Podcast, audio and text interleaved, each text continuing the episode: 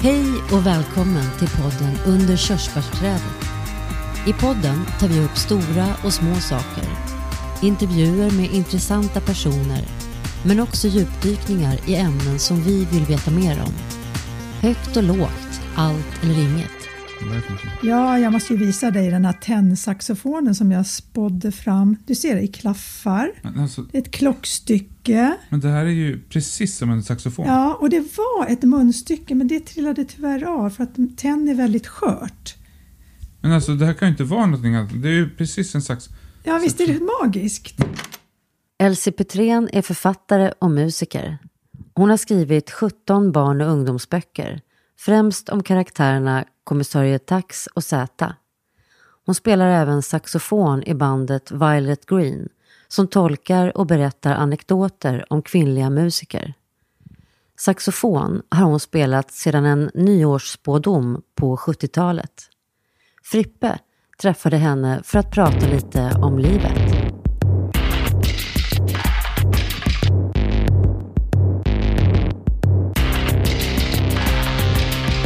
Då är vi alltså på Östra Södermalm hemma hos Elsie Petrén. Ja. Eh, Kan du presentera dig själv lite kort? Lite kort, oj. Eh, jag är en diversearbetare inom kultur. Jag är författare och saxofonist framför allt. Sen länge tillbaka. Mm. Jag växte upp ute i Handen, Haninge kommun. Eh, och bodde där till, jag tror det var 1972 flyttade jag in till stan. Och vad var stan då? Stan var Södermalm. Först flyttade jag till en lägenhet i andra hand som låg eh, på Bondegatan precis bredvid där Harvest ligger nu. Bondegatan 50 då? Typ, eller 48, jag kommer inte ihåg, eller 46 kanske det var. Och sen... Det är eh, nära Nytorget. Just det. Precis. Och då var ju inte det så populära eh, kvarter. Det var ju liksom inte som det är nu för tiden. Och hur var Södermalm 1972 i dina ögon? Det var väldigt slitet. Det fanns gott om riv, såna här rivningslägenheter som man kunde hyra billigt. Eh, man bodde väldigt billigt då, på den tiden. Mm. Och dina föräldrar, jobbade de? Eh, då jobbade de fortfarande. De bodde kvar ute i, ha- i handeln. Mm. Så det var din första egna lägenhet som var på Bondegatan? Exakt, precis. Det var så. Okej. Men din barndom då? Hur han, nu, du är ju författare och musiker nu. Läste du själv mycket böcker och så? Ja, jag läste väl en del. Jag var väl sån som slukade böcker där i mellanstadiet. Jag var lite så här hästtjej på den tiden, men jag red aldrig, utan jag älskade att pyssla om hästar. Vi hade ett stall där ganska nära där jag bodde och där brukade jag gå dit och rykta och mocka och fläta manar och sånt där. Så hade jag hand om en åsna som var inhyst där. Och på den tiden hade jag liksom, ja, det, det var väl så långt bort som möjligt att jag skulle bli musiker och författare. För jag var ganska dålig på musik tyckte jag. Jag hade dåliga betyg i musik och jag var inte sådär något, någon stjärna i skolan. Jag hade inte så jättebra betyg i svenska heller. Så att eh, betygen betydde ju ingenting för mig. Utan vad, det jag, vad, vad betydde någonting för dig då? Alltså jag var jätteduktig på att sy, så att jag hade ju tänkt att bli kläddesigner. Jag sydde mm. kläder till mig själv och till alla andra. Sen när jag var typ 17 år fick jag hyra en lokal av min farbror Mm. på Ölandsgatan. Och då hyrde jag den jättebilligt. Och där satt jag och några kompisar och sydde kläder till folk, Okej. faktiskt. Och hade du något favoritplagg att sy? Ja, alltså då på den tiden, i början på 70-talet, var det väldigt mycket skinn och mockakläder. Och någonting som heter patchwork, att man sydde ihop små skinnbitar i olika mönster, i olika färger. Sådär. Och Så jag sydde skinnrockar och skinnkavajer och skinnbyxor och allt möjligt. Och nu för tiden syr jag knappt i en knapp. Du syr knappt i en knapp. Ja, nej, nu liksom, det är helt borta. Men alltså, så du började, hur, hur, varför började du sy? Hur kom, var det genom syslöjden eller? Ja, dels så var jag ju duktig på att sy och hade bra, det var det enda jag hade bra betyg i, var ju syslöjd. Sen gick jag på Tillskärarakademin en termin och lärde mig rita mönster och sådär. Vad är Tillskärarakademin för något då? Det är att man lär sig rita mönster, man tar på, mått på folk och kan rita upp liksom på mönster så det passar exakt. Att det är så här skrädderisömnad. Och det var en skola som gick efter gymnasiet då eller? Ja, jag gick aldrig gymnasiet Gick kan jag aldrig lägga till. gymnasiet. Okej. Du behövde inte gå gymnasiet. Nej, jag har, jag har gått mina egna vägar. Okej. Men på, på 70-talet annars, hur var ditt liv i, på 70-talet i Stockholm? Jag gick på diskotek väldigt mycket. Eh, Det började med att vi gick på ett ställe som heter Cat Baloo som låg på Sturegatan.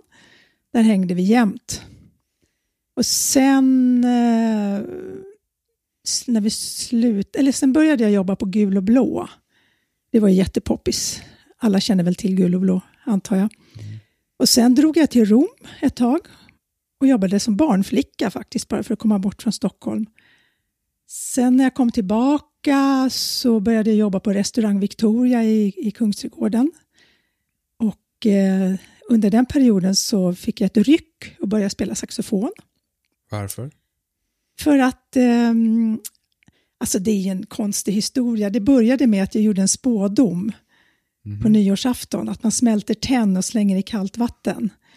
Och jag fick någonting som verkligen liknade en saxofon. Och alla som var med då på den nyårsafton sa ju det också, oj det är ju en saxofon. Och då tänkte jag, mitt dumma våp, att jag skulle träffa en saxofonist det året. Så jag började spana på saxofonister Var spanar man på dem någonstans då? på musikställen. Jag hängde ute liksom och tittade. Ja, på den tiden var det liksom så Bullerbyn och vad de nu hette, de här ställena. Mhm. Och jag träffade aldrig någon saxofonist. Eller jag- det var ingen som tilltalade mig heller. Och då sen när det hade gått ett år, då hade jag blivit så fångad av det där instrumentet så att jag köpte en saxofon. Vilket år är vi inne på nu, Nu då? Man säger upp- nyårs... eh, Ja, den tenn, eh, Tenn-ceremonin då, när var den? Det var nyårsafton till 76. Och sen 1977 började jag spela själv. Och då blev jag så besatt att jag liksom bara satt hemma och spelade och alla mina kompisar tyckte att jag var jättetråkig som bara ville spela hela tiden. Och jag, var, jag fyllde 23 år det året. Och alla sa ju att det var för sent att börja spela. Och då blev jag sådär, då ville jag överbevisa. Så då tänkte jag att nu jävlar. Och på den tiden var det ju tyvärr så att eh, det kanske inte var så jättevanligt att folk kände till kvinnliga musiker. Det var ju precis innan punken. Och då blev jag uppmärksammad för att jag spelade sax och var tjej. Löjligt nog. Jag var ju inte liksom, jag var ju nybörjare. Men det var ju så att folk ville plocka med bara för att liksom apan kan cykla ungefär. Så jag fick väldigt, jag fick en rivstart. Så att redan efter fyra månader stod jag på scenen. Vilka spelade du med då? då? Var det ett band som hette Solen skiner som var väldigt poppis då i början på, eller på 70-talet. Vad var det för genre? Det var rock. Rock? Rock med svenska texter liksom. och sen... Och första gången jag stod på scenen då kände jag att ja, men det här är ju helt fantastiskt. Det ville jag pyssla med. Så att jag bara spelade på och liksom knöt kontakter med massa olika band. Och... Sen ramlade jag in i det här med Mullvadsockupationen och Mullvadsoperan. Vad var det då? Var? Vad var Mullvads... Ja, Mullvaden var ju ett kvarter på Södermalm som det, det kvarteret skulle rivas och det, då ockuperades de husen. Och jag var väl lite med i ockupationen men framförallt var jag med i något som heter Mullvadsoperan som gjorde en turné över hela Norden och spelade in en skiva. Och det var ju de här Jordcirkus, ett, eh, ja, ska man säga, en fri teatergrupp som låg bakom det hela och organiserade det. Så det var en jätteteater med, med musiker och skådespelare. Och det var jättekul att ha varit med på. Och musiker, ja. Och spelade ni då i närheten av Mullvadshuset eller? Ja, vi gjorde kon- konserter på Ma- Mariatorget. Och sen åkte vi runt och spelade liksom i Christiania i Danmark. Och vi åkte till Oslo och till Malmö, tror jag det var, Helsingborg. Och, Ja, det är så länge sedan, jag kommer inte ihåg allting. Vi spelade på Cirkus också i Stockholm. Och då spelades skivan in. Men jag tänker att, eh, vad hände med det där Mullvadshuset till slut? Ockupation för att det inte skulle rivas. Ja, det revs. Det revs. Ja, det stormades av polisen och revs. Mm, jättetrist. Nu står det skitfula hus där. Ja. Så kan det gå. Så kan det gå. Eh, men vad, säger, vad hände sen då? Man säger, du blev mer och mer musik där och du ville vara med i alla band. Vilka band var du med i då? Ja, alltså det Eller gästade kanske ibland? Ja, eh, det var väl mer på 80-talet som jag kom med i lite, lite band som folk kanske kan eventuellt känna till. Bland annat så spelade jag med Archimedes badkar, Mm. som var väl sånt där känt, kan man kalla det för proggband? Eller nej, inte riktigt. Nyprog? Ja, och eh, jag var med dem precis i slutet innan det bandet sprack, Okej. så jag gjorde lite turnéer med dem. Sen gick jag på Birkagårdens eh, folkhögskola på musiklinjen och då lärde jag känna en massa folk som spelade också. Bland annat startade vi en jiddisch-orkester där i början på 80-talet. Eh, och sen var jag med i lite olika såna här eh, rockband som hette Underika, Tolstojs Toys, Zon 6. Ja, lite olika band. Jag vet inte hur kända de är i dagens läge, men Men det var ju, säger, 80-talet i, i Stockholm var väl ganska levande musikliv där under några år. Jag tänker det fanns Ritz och massa scener, många bra band som... ja, och framförallt Trebackar. Trebacka, ja. Där spelade ju alla. ja. Ja. Jo. jo, det fanns gott om musikscener. Musikverket på Götgatan och ja, Ritz. Ritz har inte jag spelat på tyvärr, men där hängde jag väldigt mycket Mm. en period. Och Kan du beskriva Ritz för någon som aldrig varit där? Oj, ja det, ja, men det var en rockklubb. Det var en ganska stor lokal. Man gick ner för en massa trappor. Det var så svartmålat vill jag minnas. En jättebra scen där mycket kända band spelade. Så hade de ofta väldigt bra diskjockeys så att man kunde dansa till jättebra musik. En stor bar där man stod och hinkade öl. Och det var alltid vänner där om man säger. ja, verkligen. Kan förstå. och Och, och musiker. det, det låg vid Medborgarplatsen på Södermalm. Precis. Hotell Malmen. I källaren där nu. Ja, just det. Eh, för vi- tidigare i den här podden så hade vi Micke Herrström som gäst, som är musikproducent och Precis. musiker. Och du hade träffat honom, du hade varit spelat in hos honom i någon studio någon gång. Ja, flera gånger tror jag. Okej, vilka? Jag kommer inte ihåg exakt med vilka band, men, men det var ju så att eh, Mistlurs studio låg ju på Maria Prästgårdsgatan i ett gatuhus. Nej, vad säger jag? Ett gå- gårdshus var det. Och där hade vi vår replokal och det hände ju flera gånger att man var uppe i Mistlurs studio och spelade in med olika band. Jag brukade lägga lite sax på lite olika band och jag för mig att Micke spelade in Push Twangers. Okej. Jag var med på en singel där som de spelade in som heter Strangler from behind. Då gjorde jag ett lite så soft sax-solo i slutet på låten. okej. Och jag har för mig att Micke pratade i podden om att han spelade in just Push Twangers. Kanske han spelade in under Rika också. Vi får väl helt enkelt eh, ta, ett nytt, ta en ny intervju med Micke sen och fråga om han spelat in under Ica och Push Twanger. Ja, får kolla det. Jag kommer inte riktigt ihåg. Eh, Okej. Och... eh, men eh, det var musik, du spelade saxofon. Vad gjorde du mer? Kunde du livnära dig på musiken eller jobbade du med någonting annat? Ja, jag jobbade med massa olika småjobb. Så där jag jobbade som konditoribiträde och sålde bullar på Hornsgatan. Ehm, ja, vad gjorde jag mer? Gud, man hoppar ju runt. Jo, jag slussade båtar två somrar i rad på Slussen. Mm. Det var ju skitbra jobb. Man satt där liksom vid spakarna och släppte in och ut båtar. Och Mm. det var rätt soft. Och sen då, det skrivande, du har ju som sagt även givit ut ett antal böcker. Hur många böcker har du skrivit? Eh, 15 böcker som har blivit tryckta sen har jag gjort två böcker som har blivit bara digitala böcker också. Okej. Så det är sjut- 17 titlar. 17 boktitlar, det är ju det är inte så lite om man säger. Nej, det är en hel del. Eh, Jag debuterade år 2000 och då hade jag skrivit en bok om en figur som heter Kommissarie Tax som blev ganska uppmärksammad. Mm. Och det blev några böcker med honom men sen började jag skriva kapitelböcker för mellanstadieungar. Så där, så att Men, men, men, men kommissarie Tax, då tänker man saxofon. Tax var inget sånt. han spelar saxofon alldeles riktigt. Okej, sax, tax, okej. Ja, det stämmer bra det. Och det var en barnbok. Det var barnböcker, det var Barnböcker. flera, flera stycken. Ja. Okej, och vad, den där person, huvudpersonen, var det någon eh, riktig person egentligen som det var som var omvandlad till kommissarie Tax? Alltså det var väl en blandning av mig själv och eh, faktiskt eh, Rolf Lassgård som Kurt Wallander. Så, en blandning av Else Petrén och Kurt Wallander. ja, precis. Och jag såg liksom Rolf Lassgård framför mig och sen var det så roligt när jag, jag, jag spelade in en barnskiva för att jag gjorde låtar om kommissarie Tax. Och då lyckades jag genom kontakter övertala eh, Rolf Lassgård att vara med på skivan Okej, som just kommissarie Tax. Okej, jaha. Eh, Sjunger eller läser han då? Ja, han eh, hade gjort små prator mellan låtarna som han fick, liksom, han fick vara kommissarie Tax. Och så sjunger han två låtar.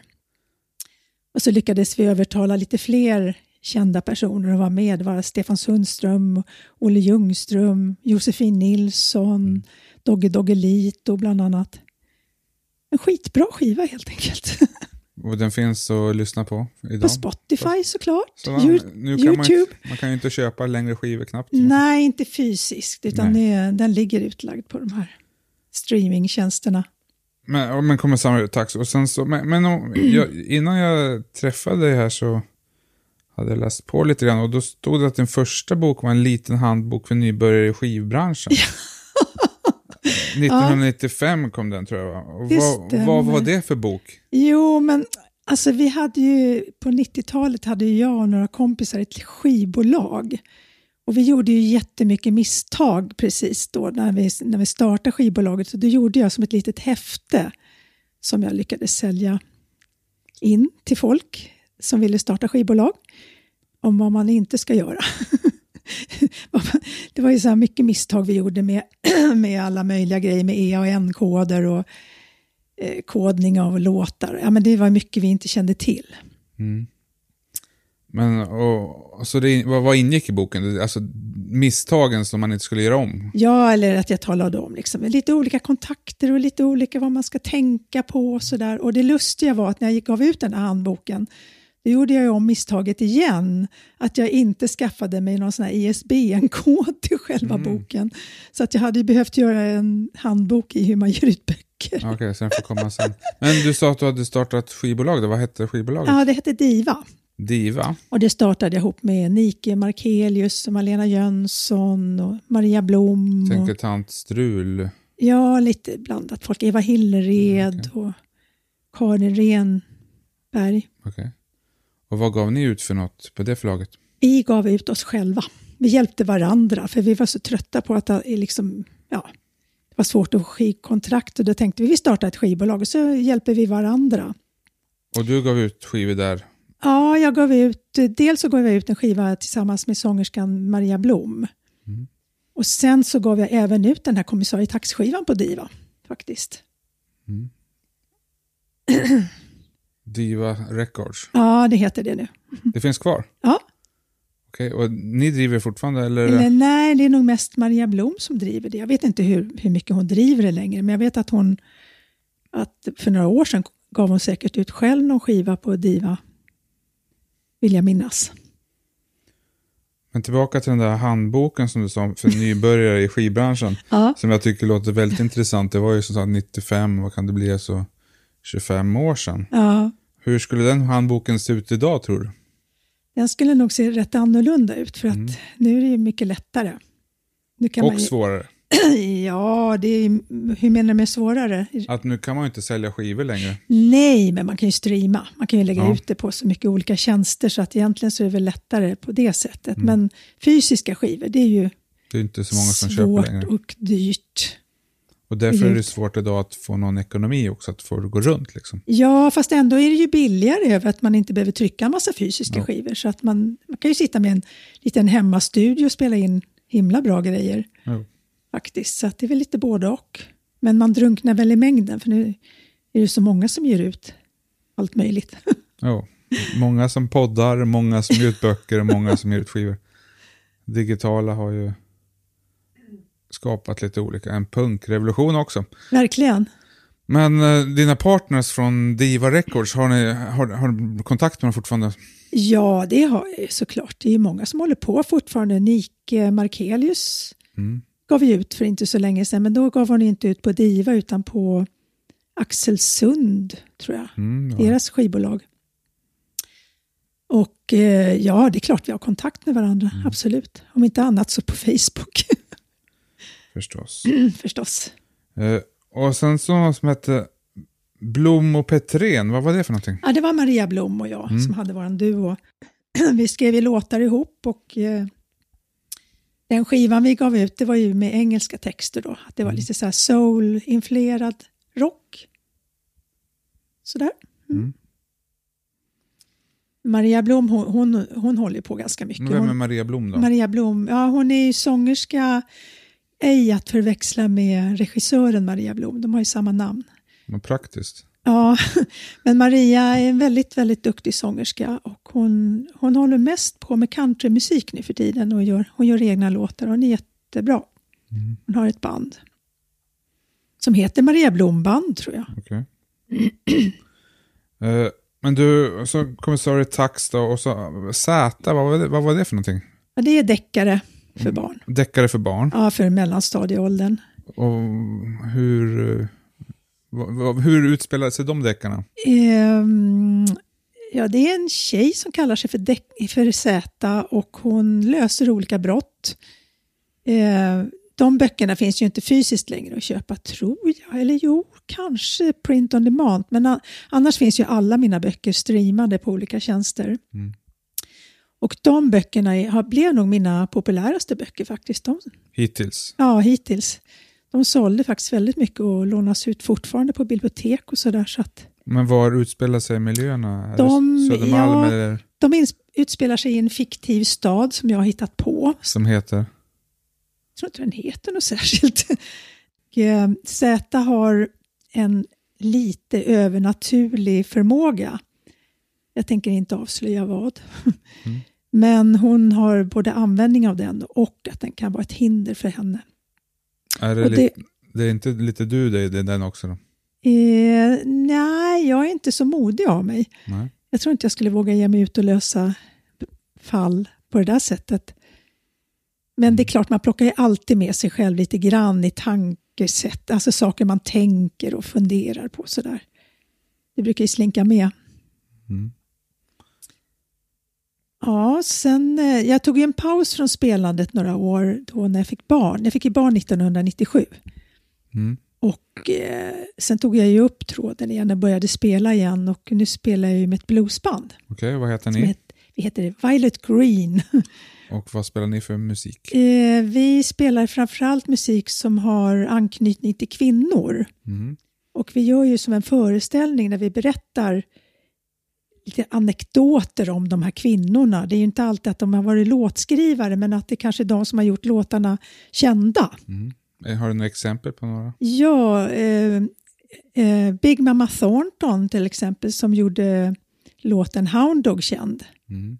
Men efter några år så tog ju Elvis över den Mm. och då var ju hon nästan glömd. Men det var ju hon som gjorde låten från början. Så där. Det är sådana där En historier vi fantastisk låt som försvann Ja, alltså under Elvis. ja, visst, den blev ju helt den blev ju så glättig med, Mm. med Elvis. Mm. Och då blev ju texten väldigt konstig. Ja. Om en kvinna sjunger om den, liksom, you're nothing but a hound dog, då får Mm. ju liksom texten en, hel, en helt annan betydelse. Ja, Och hon gjorde en grym version av den, alltså Big Mama Thornton. okej. Och den har man ju knappt hört. Nej, och vi, vi letar ju fram sådana där låtar för att använda i vår föreställning och vi blev ju helt chockade över hur mycket vi inte kände till av den kvinnliga historien. Mm. Som Sister Rosetta Tharpe, som var en grym gitarrist. Okej. En kvinna, en svart kvinna. Hon kom ju från gospeln från början. Men hon var ju gigant. Och det har ju liksom inte vi hört talas om. Och det var ju så att eh, Chuck Berry och Elvis gitarrister och sådär, de, de kollade in henne. Liksom. Det var ju hon som skapade rock'n'roll nästan. Vad sa du att hon hette en gång till? Sister Rosetta Tharpe. Okej. Och hon valdes äntligen in i Big, eh, vad heter det, eh, Rock'n'Roll Hall of Fame nu för några år sedan, Ja, just det. Ja, långt efter hon var död. Och hon har ju fått ett erkännande i efterskott, liksom, att, att, hon, att hon var ju faktiskt the mother of rock'n'roll, eller godmother of rock'n'roll. Rockmoden. Ja, Så att det är sånt där som är intressant att leta fram faktiskt. Och det är det ni gör med, med bandet, vad heter det? Violet, Violet Green. Ja, just det. Ja. Och då, har ni föreställningar, eller spelar ni in mest, eller vad gör ni? Nej, vi har ju haft Konserter. jättemycket konserter och föreställningar och sådär. Vi har ju spelat både på teatrar och på rockklubbar, jazzklubbar, bluesklubbar. Och Vi har turnerat väldigt mycket i, i Sverige. Och har ju lite paus just nu, men eh, Ja, Vi varför då egentligen? vi kommer igen När snart. Corona försvinner. Så att, eh, nej men vi har massa spelningar på gång. Bara Sverige öppnar igen, då jävlar ska vi ut och spela igen. Då blir det glada 20-talet Ja, igen. precis, exakt. Och böcker då? Här, har- skriver du på någon, någon ny bok nu? Nej, alltså jag har precis eh, gjort klart en bok som jag har hjälpt en kompis med. Och det är första gången jag har, kommer att släppa en vuxenbok. Eh, det är en kompis till mig som heter Lena Attling. Hon har eh, varit med om jättejobbiga grejer och hon har skrivit en självbiografi. Mm. Och jag har hjälpt henne att göra klart den. Okej, på hur, på vilket sätt? Jo, det, alltså hon har ju skrivit ner sin levnadshistoria men det höll inte riktigt. Alltså hon fick inte det att hålla riktigt för utgivning. Och då jag, gick jag in med min kunskap och liksom dels sortera i hennes text för dramaturgins skull och sen har jag hjälpt henne att gestalta situationer och fyllt igen med luckor genom att intervjua henne. Och, Mm. så att det är ju hennes bok, det är ju hennes liv det handlar om. Men jag har liksom hjälpt henne att få det läsbart sådär. Mm. Mm. Och lite allmängiltigt. Så att jag är medförfattare. Mm. Och det är första gången jag gör någonting liknande. För jag, här kan ju inte jag hitta på med min fantasi. Utan jag har ju liksom varit tvungen att följa hennes liv och skriva det som har varit för henne. Ja, det kan ju också vara bra. Vissa saker tycker man själv kanske inte är så viktiga, men de är ju viktiga när man får ett yttre perspektiv. För jag tänker för hennes texter liksom. Så. Ja, men absolut. Ett liv är ju långt. Liksom. Det är Ja. ju mycket saker som leder fram till saker som händer, så att säga. Och den kommer i vår, den boken. Ja, den ska tryckas nu snart. Den är precis färdigskriven och färdig layoutad och sådär. Så att den trycks nog. Jag tror den kommer i april. Mm. Men på grund av vissa saker så kan vi inte ha någon offentlig eh, release. Så vi tänkte ha det i slutet av eh, augusti. Mm. Och då kommer säkert mitt band att spela, Trevligt. hoppas vi. Så att kanske på Bysis bokhandel har vi pratat med. Mm. Och, så vi hoppas det blir där. Så folk får hålla ögonen öppna. Japp. Eh, och jag tänkte sen, vi pratade här om skivbranschen som försvann kan man nästan säga för alla skivorna som man kan inte köpa. Är det samma för bokbranschen tror du? Att de kommer, att det blir mer metallböcker och folk läser på plattor och sånt? Det är så svårt att säga om. Jag är ju själv en sån där som köper pappersböcker. Jag har inte liksom kommit in i det där med att lyssna på ljudböcker. Jag somnar bara. och eh, jag har ingen sån här läsplatta heller, så jag har inte... Jag tycker det är så mysigt att bläddra i papper. Senast köpta bok då? Oj, det var häromdagen faktiskt. Eh, Det var de här två. Jag är dels med i en, en bokcirkel då, då så i den ska vi läsa Inger Edelfelt om snö och guld. Okej. Sen blev jag sugen på att läsa Sofie Oksanen, Hundparken. Så det Har köpte- du läst någonting av dem förut? Eh, inte Inger Edelfelt, konstigt nog, men Sofie Oksanen har, har jag läst. Är det den typen av böcker som du tycker om? Ja, romaner. Romaner helt enkelt. Ja. Har du något bokprojekt på gång själv? Eh, alltså jag skrev klart en bok förra året som jag tyckte blev faktiskt en av mina bästa. Tyvärr är den refuserad av de förlagen som jag skickade till. Och nu har jag läst, jag läste faktiskt en artikel häromdagen om att det är ungefär en promille som blir utgivet av alla manus som skickas in just nu. Så då fick jag lite perspektiv, att det, det ges ut, alltså det skrivs så ohyggligt mycket böcker just nu. Kanske på grund av att folk har varit lite lediga. Men det ges ju ut färre. Så att konkurrensen just nu är gigantisk. Ja, men det, det är kanske hela samhället att det har blivit liksom... Det är, svår, det är enklare att ge ut saker och billigare, men samtidigt så är det svårare att kunna leva på det. Liksom. Ja, Och det blir många bokförlag fast ändå ingen som kan ge ut mer enkla saker för sig själva. Liksom. nej precis. Jag funderar på om jag ska lägga ut den där boken som som e-bok kanske, eventuellt. det Ja. kostar inte så mycket. Men man säger när du flyttade, nu, nu bor du på Östra Söder någonstans. eh, Och du flyttade till Bondegatan, du flyttade hemifrån. Ja, Som också kan man väl säga Östra Söder, fast det är lite mer västerut. Hur tycker du att, eh, det är inte, när man bor här så kanske man tycker att det är långt att gå dit, men ser man på kartan så är det inte så många hundra meter. Eh, Hur tycker du att det har eh, förändrats, den här delen av stan? Ja, men det är väl framförallt att alla gamla hus har renoverats eh, och att det har bytt klientel lite grann. Liksom att det, man ser ju det på butiker och på barer och restauranger. Ja, men det var ju ganska dött den här delen av Söder förut. Ja, men om man tänker Skånegatan som är sådär jättehet nu, det var ju jättedött på 80, 70, 80-talet. Jag har ju bott vid Hornstull också på Långholmsgatan i många år innan jag flyttade hit. Så det var ju, jag bodde ju liksom omodernt på Långholmsgatan. Jag, jag bodde i en liten etta på 28 kvadrat. Jag hade kallvatten. Eh, och det- jag betalade 93 kronor i månaden och det var billigt även då. 93 kronor i månaden utan varmvatten, är en Ja. liten kvart på Hornstull. Och sen hade jag, ja, det var sådär ett litet elelement och man fick inte vräka på det för mycket för då gick den enda proppen. Ja, det fanns ju kakelugn så man kan kunde elda telefonkataloger i. Mm. Och då fanns det telefonkataloger också. Ja, ja, de låg i porten. Så där. Man bytte ju varje år och då la man dem i porten. Och så där. Då brukade jag plocka upp dem och elda dem. Ja, men när man säger att man berättar att man bodde, att det fanns ingen värme, eller det fanns kakelugn och inget varmvatten och sånt där. Mm. Det låter ju lite grann som att det var väldigt länge sedan. Ja, det var ju lite länge sedan. Men 70-talet var det mycket hus som var så omoderna. Jag kände ju till och med folk som hade torrdass i huset. Alltså att man fick upp på vinden Mm. och sådär. Men jag hade riktig toalett. Så det var modernt måste jag säga. Hade du någon favoritförfattare som barn? Ja, som barn var det väl Astrid Lindgren som alla andra. Okej. Och jag kommer ihåg, alltså, det brukar jag säga är en av mina favoritböcker och det är ju Mio min Mio. För det var nog första boken jag läste själv. Bosse där hette han. Och jag läs, läste den. Hette han inte Bosse, huvudpersonen? Oh, gud, det var så länge sedan jag Okej. läste den. Jag tror han hette Bosse. Och eh, jag kommer ihåg att jag läste den om och om igen för att jag var så förtrollad av den där historien. Mm. Faktiskt. Kan du berätta lite kort om vad du minns om den historien idag? Ja, men det är ju det här att han... Eh...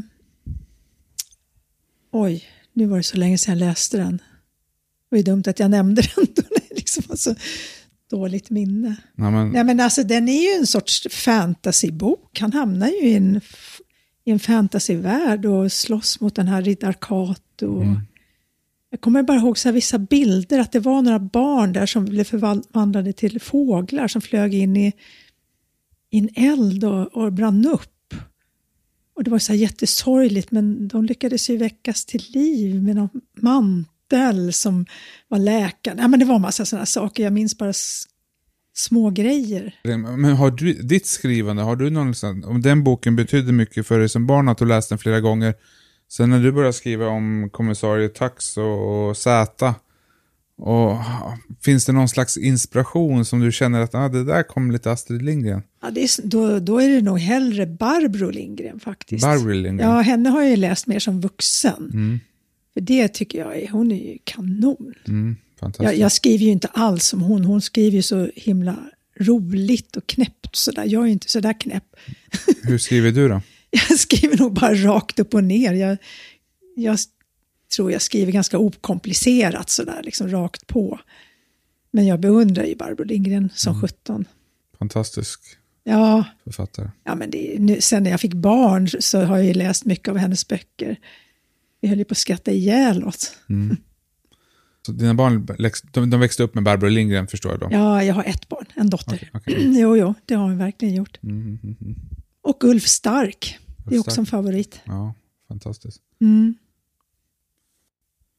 Eh, Är det någonting mer som du skulle själv tycka att skulle vilja lyfta eller göra reklam för? Något du vill berätta? Ja, alltså egentligen så glömde jag ju nämna att jag spelade med ett bluesband i flera år som heter Monaco Blues Band. De var Okej. ganska kända på slutet på 80-talet. De klädde sig lite som Blues Brothers med solbriller och Och, kostymer. vad var och- Monaco Bluesband för något då? Det var ett bluesband, ett rent bluesband. Okej, och Några gubbar från Västerås. Västerås? Ja, och och av en slump så det var någon som kände dem som jag kände som tyckte att ah, du borde ha- vara gästartist med dem. Och så blev jag inbjuden att spela med dem en gång på Ängelen som är ett musikställe i Gamla stan. Ja. Och efter det så fick jag spela mer och mer med dem och till slut blev jag en medlem med dem i flera år. Och de hade jättemycket spelningar i Tyskland. Okej. De var superpoppis där. Så jag har turnerat enormt mycket i Tyskland faktiskt. Det var varenda liten håla nästan. I det, alltså det var Västtyskland på den tiden, då var ju inte Vi snackar Östtyskland. alltså 80-talet då? Ja, Mm. och bör, början på 90-talet. Okej. Mm. Men sen hoppade jag av dem och eh, gjorde, ja, vi startade det där skivbolaget och sådär. Men, men vad lyssnar du själv på idag för musik? Idag? Oh. Ja, menar du av nutida musik eller? Alltså, vad som, den musiken som går in i dina öron idag? Alltså jag lyssnar ju för tillfället rätt mycket på, på sådana här låtar som vi plockar ut till bandet. Mm. Så det blir ju mycket blues och soul just nu för tillfället. Och en av de arti- artister som jag har beundrat mest i hela mitt liv det är ju Aretha Franklin. Mm. Henne lyssnar jag på jättemycket fortfarande. Ja, ja, jag, ja men jag har en ganska, jag tror att jag har en ganska bred musiksmak samtidigt som jag är jättekräsen.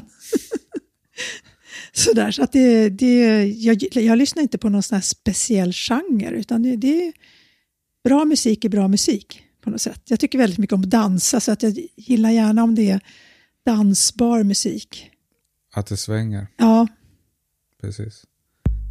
Ja, Ja. kanske vi klarar det. Det var trevligt att ja men du fick komma hit. jättetrevligt Tack att så du kom hit. Ja, tack. Tack så mycket. tack.